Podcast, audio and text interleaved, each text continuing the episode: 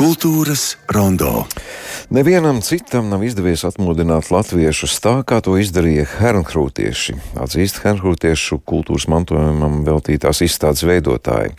Latvijas Nacionālajā bibliotekā skatām izstāde Modināšanas stāsts par hernhūtiešiem. Izstāde ir viens no centrālajiem cikla latviešu grāmatai 500 šī gada notikumiem. Izstādē eksponēts unikāls materiāls - hernhūtiešu rokraksti no Latvijas Nacionālās bibliotekas krājuma, kas iekļauti UNESCO programmas pasaules atmiņa Latvijas Nacionālajā reģistrā. Izstāde apmeklēja un ar tās veidotājiem tikās Laimas Lava.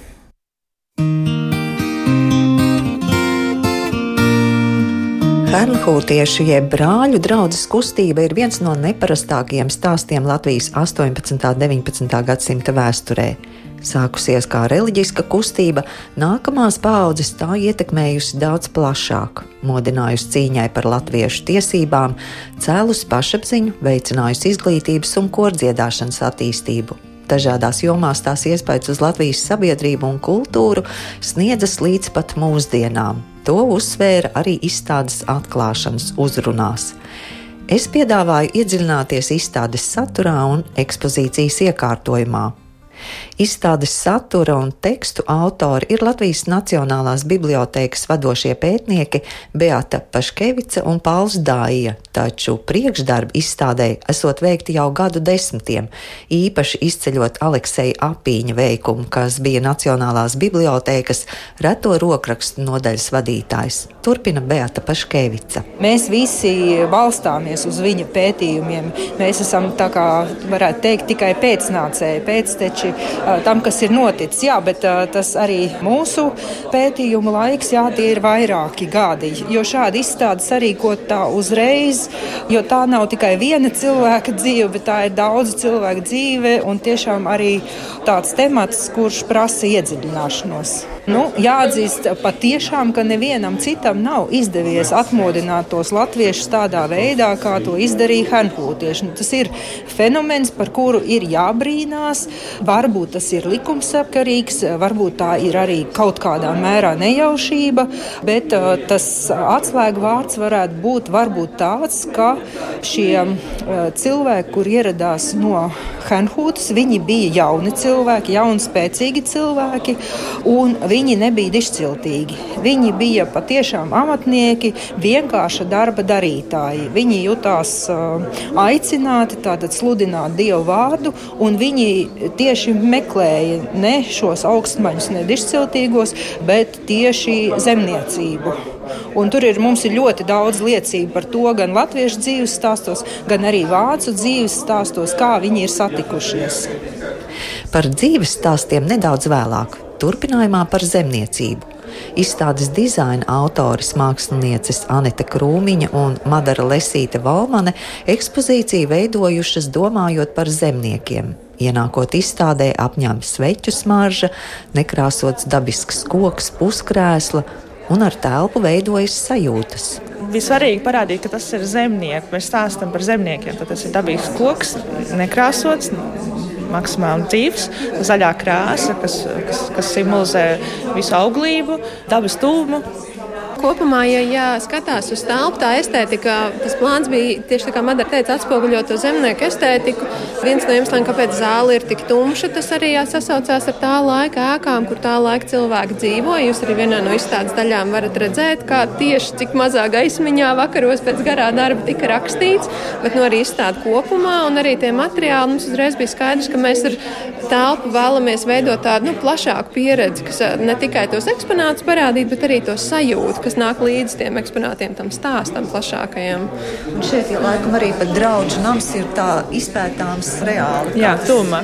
Jā, mēs speciāli uztaisījām sajiešanu namu maketu, lai var saprast, kā vispār tas ir veidojies. Jo pamats ir rīja, kas arī ir paplitusies un pielāgojusies tām laika cilvēku vajadzībām, ka tas sajiešana nama stūris, kur viss sanāca, ir vien vairāk lielāks lielāks un lielāks palicis, paplatinājies un uh, kalpojis kā vieta, kur varēja kopā būt un klausīties to Dieva vārdu. Jā. Savukārt zemnieku tēlu iedzīvināšanai izmantoti Johana Kristofa Broces zīmējumi.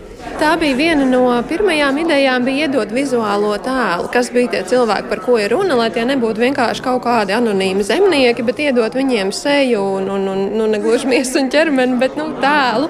Un uh, broces zīmē bija ļoti pateicīgs materiāls, kas ir izmantot gan laika līknei, gan arī otrā zāles galā ir karte, kas atspoguļo tā laika ceļošanu, un, ko mēs mūsdienās saucam par tīklošanos, un, un, un varbūt pieredzes apmaiņu. Arī, arī tajā laikā viņi devās misijās un sludināja daudz kur pasaulē, un arī tur ir šie tēli no broces zīmējumiem. Tā kā ļoti pateicīgs materiāls. Beata Paškevica atgādina, ka hernhūtiešu kustībai bijuši dažādi posmi - veiksmīgi un netik veiksmīgi. Būtībā vēsturiski izceļ divus posmus. Tas ir šis pirmais modināšanas laiks, tas ir tas laiks 737, 8, 9 gads līdz aizliegumam, līdz 743. gadā cariena Elizabete Pentrovna uzliek lielu punktu šai kustībai, nav ko izplatīties dažādām tādām ķecerīgām mācībām. Jā, un tad ir 19. gadsimta pirmā puse, tad, kad cārs Aleksandrs I atkal atļauj praktizēt.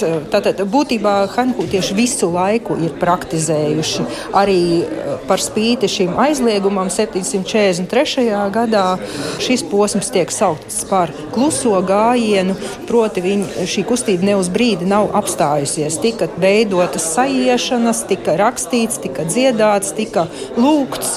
Tātad, jā, bet divi tādi svarīgākie posmi tas ir 19. gadsimta vidus un 18. gadsimta vidus. Simts gadu pa vidu. Kā jūs aicināt šo izstādi skatīt, kam pievērst uzmanību, kas varbūt ir uh, kāds retums vai kas cits? Jā, es aicinātu pirmām kārtām varbūt izjust uh, šo rokrakstu, šo uh, rokrakstu īpašo auru, īpašo senumu, ka tas ir latviski rakstīts rokraksts, jo mūsu kultūrā tas nav tā, ka mums ir ļoti, ļoti daudz šādu rokrakstu latviešu valodā no 18 gadsimta, no 19. gadsimta sākuma. Tas būtu viens aspekts.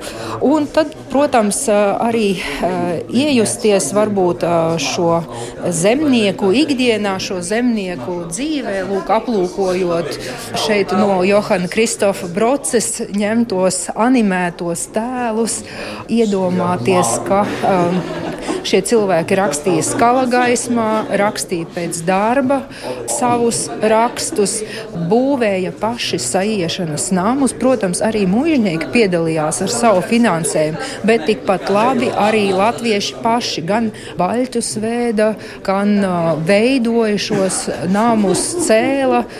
Tā, tā ir arī ļoti liela pašu cilvēku pašu iesaiste un pašu iniciatīva, kas tam laikam nav raksturīga. Tā tiek atmodināta tieši brāļu draudzē. Ko tad viņi rakstīja latviešu valodā? Tās bija lūkšana teksti vai tie bija kādi citi teksti? Jā, nu, protams, 18. gadsimtā mēs nevaram sagaidīt, lai latviešu zemnieki rakstītu romānus. Tas tā nebija. Tie bija reliģiski teksti, tā dēvētā celsmes literatūra.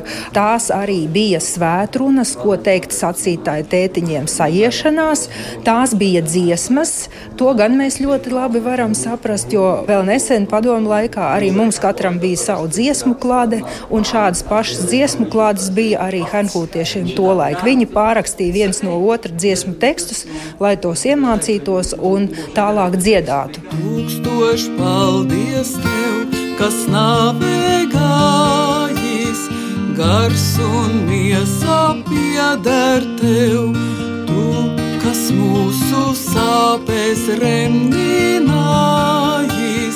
mūs par bērniem pieņem sev, liec, lai ticībā uz tevi raugam, mīlestībā katru dienu augam, līdz reiz goda vainagam, nākam tavā pagalmā. Savukārt otrs izstādes satura veidotājs Latvijas Nacionālās bibliotēkas vadošais pētnieks Pauls Dāja īpaši izceļ izstādes sadaļu par hernhūtiešu dzīves stāstiem. Mm, hernhūtiešiem bija tāda tradīcija, ka viņi savās sajiešanās, jeb sanāksmēs nodarbojās ar to, ko viņi sauc par caurrunāšanu, jeb uh, savu dvēseles pārdzīvojumu, savas iekšējās dzīves apspriešanu savā starpā. Un ar to cieši saistīta arī praksa pierakstīt savus dzīves stāstus, kas no vienas puses vienmēr sakoja noteiktai schēmai. Tur bija grēcīgā bērnība un jaunība. Tad reliģiskā atklāsme, jeb atmodināšana, un tad uzņemšana draudzē un turpmākā dzīve. Bet vienlaikus mēs tur varam uzzināt ļoti daudz ko par uh, zemnieku ikdienas dzīvi, 18. gadsimtā un arī vispār par tā laika latviešu iekšējo pasauli. Izstādē iespēja arī klausīties dzīves stāstus. Ieskatām neliels fragments no Hernhūtiešu stāstiem. Spāriņa Anna, Miķelis Petersons, Podiņa Mārtiņš, Podiņa Mārtiņa sieva, Jurmalas Andrejs. Esmu piedzimis 15. oktobrī 1728. gadā Liepas valstī un Spēlga mājā. Mani vecāki ļoti par to bēdājās, ka man nevarēja skolā dot, jo tajā laikā vidzemē daudz nebija tādu, kas grāmatu mācīja. Tēvs un māte arī nemācīja lasīt, tomēr pēc savas atzīšanas mani labi audzināja. Gadījās 1810. gadā kad caur grūtu slimību ar vienu atstiņu, un pēc trim gadiem atkal ar otru palika gluži neredzīga. Bez acu gaismiņas palikusi, maz bēdājās, kā pasaulē caur tikšot, kā maizīti pelnīšot, bet tās lielākās bēdas bija, kā nu uz baznīcu tikšot, kas nu uz sajiešanām vedīšot. Un ap to laiku Valmjerā tā pirmā modināšana notika un slava no tā notikuma drīz izpaudējās visās vietās, un ka tur no dieva sūtīti cilvēki esot, kas visus grēciniekus pie Kristus atgriežot un svētīgus darot.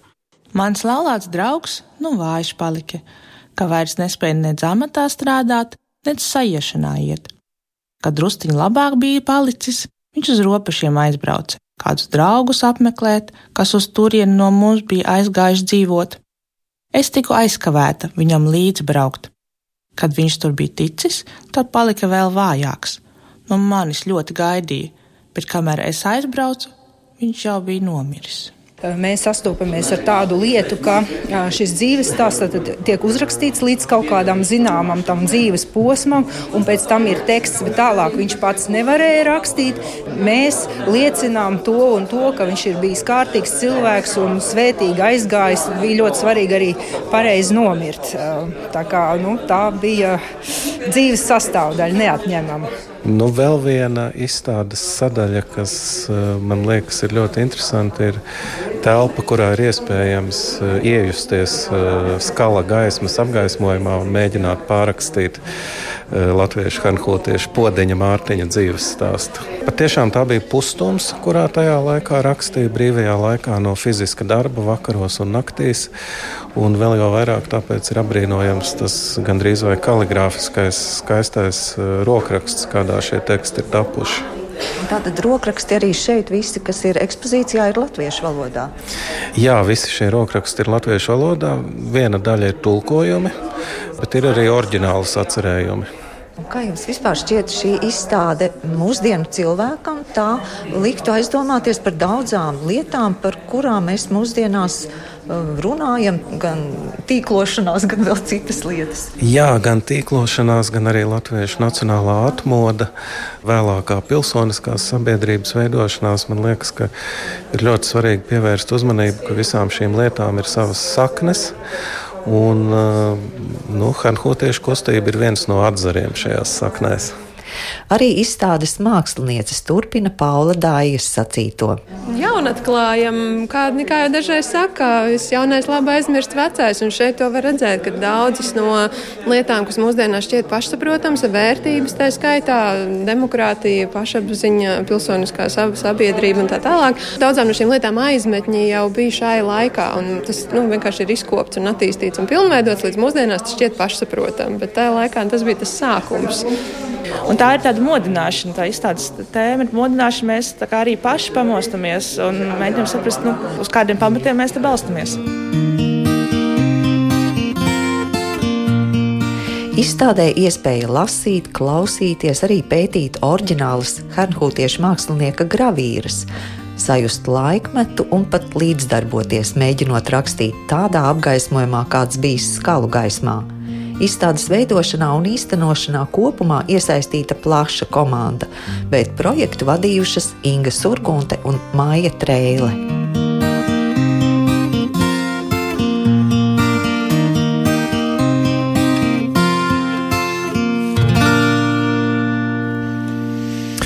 Ekspozīcija iekārtot Latvijas Nacionālās Bibliotēkas 5. stāvā izstāžu zālēm būs apskatām līdz pat 2023. gada 30. jūlijam. Turklāt izstādi papildinās arī savu pasākumu programma, lasījuma, akadēmiskās sarunas, arī ekskursijas izstādes veidotāju vadībā.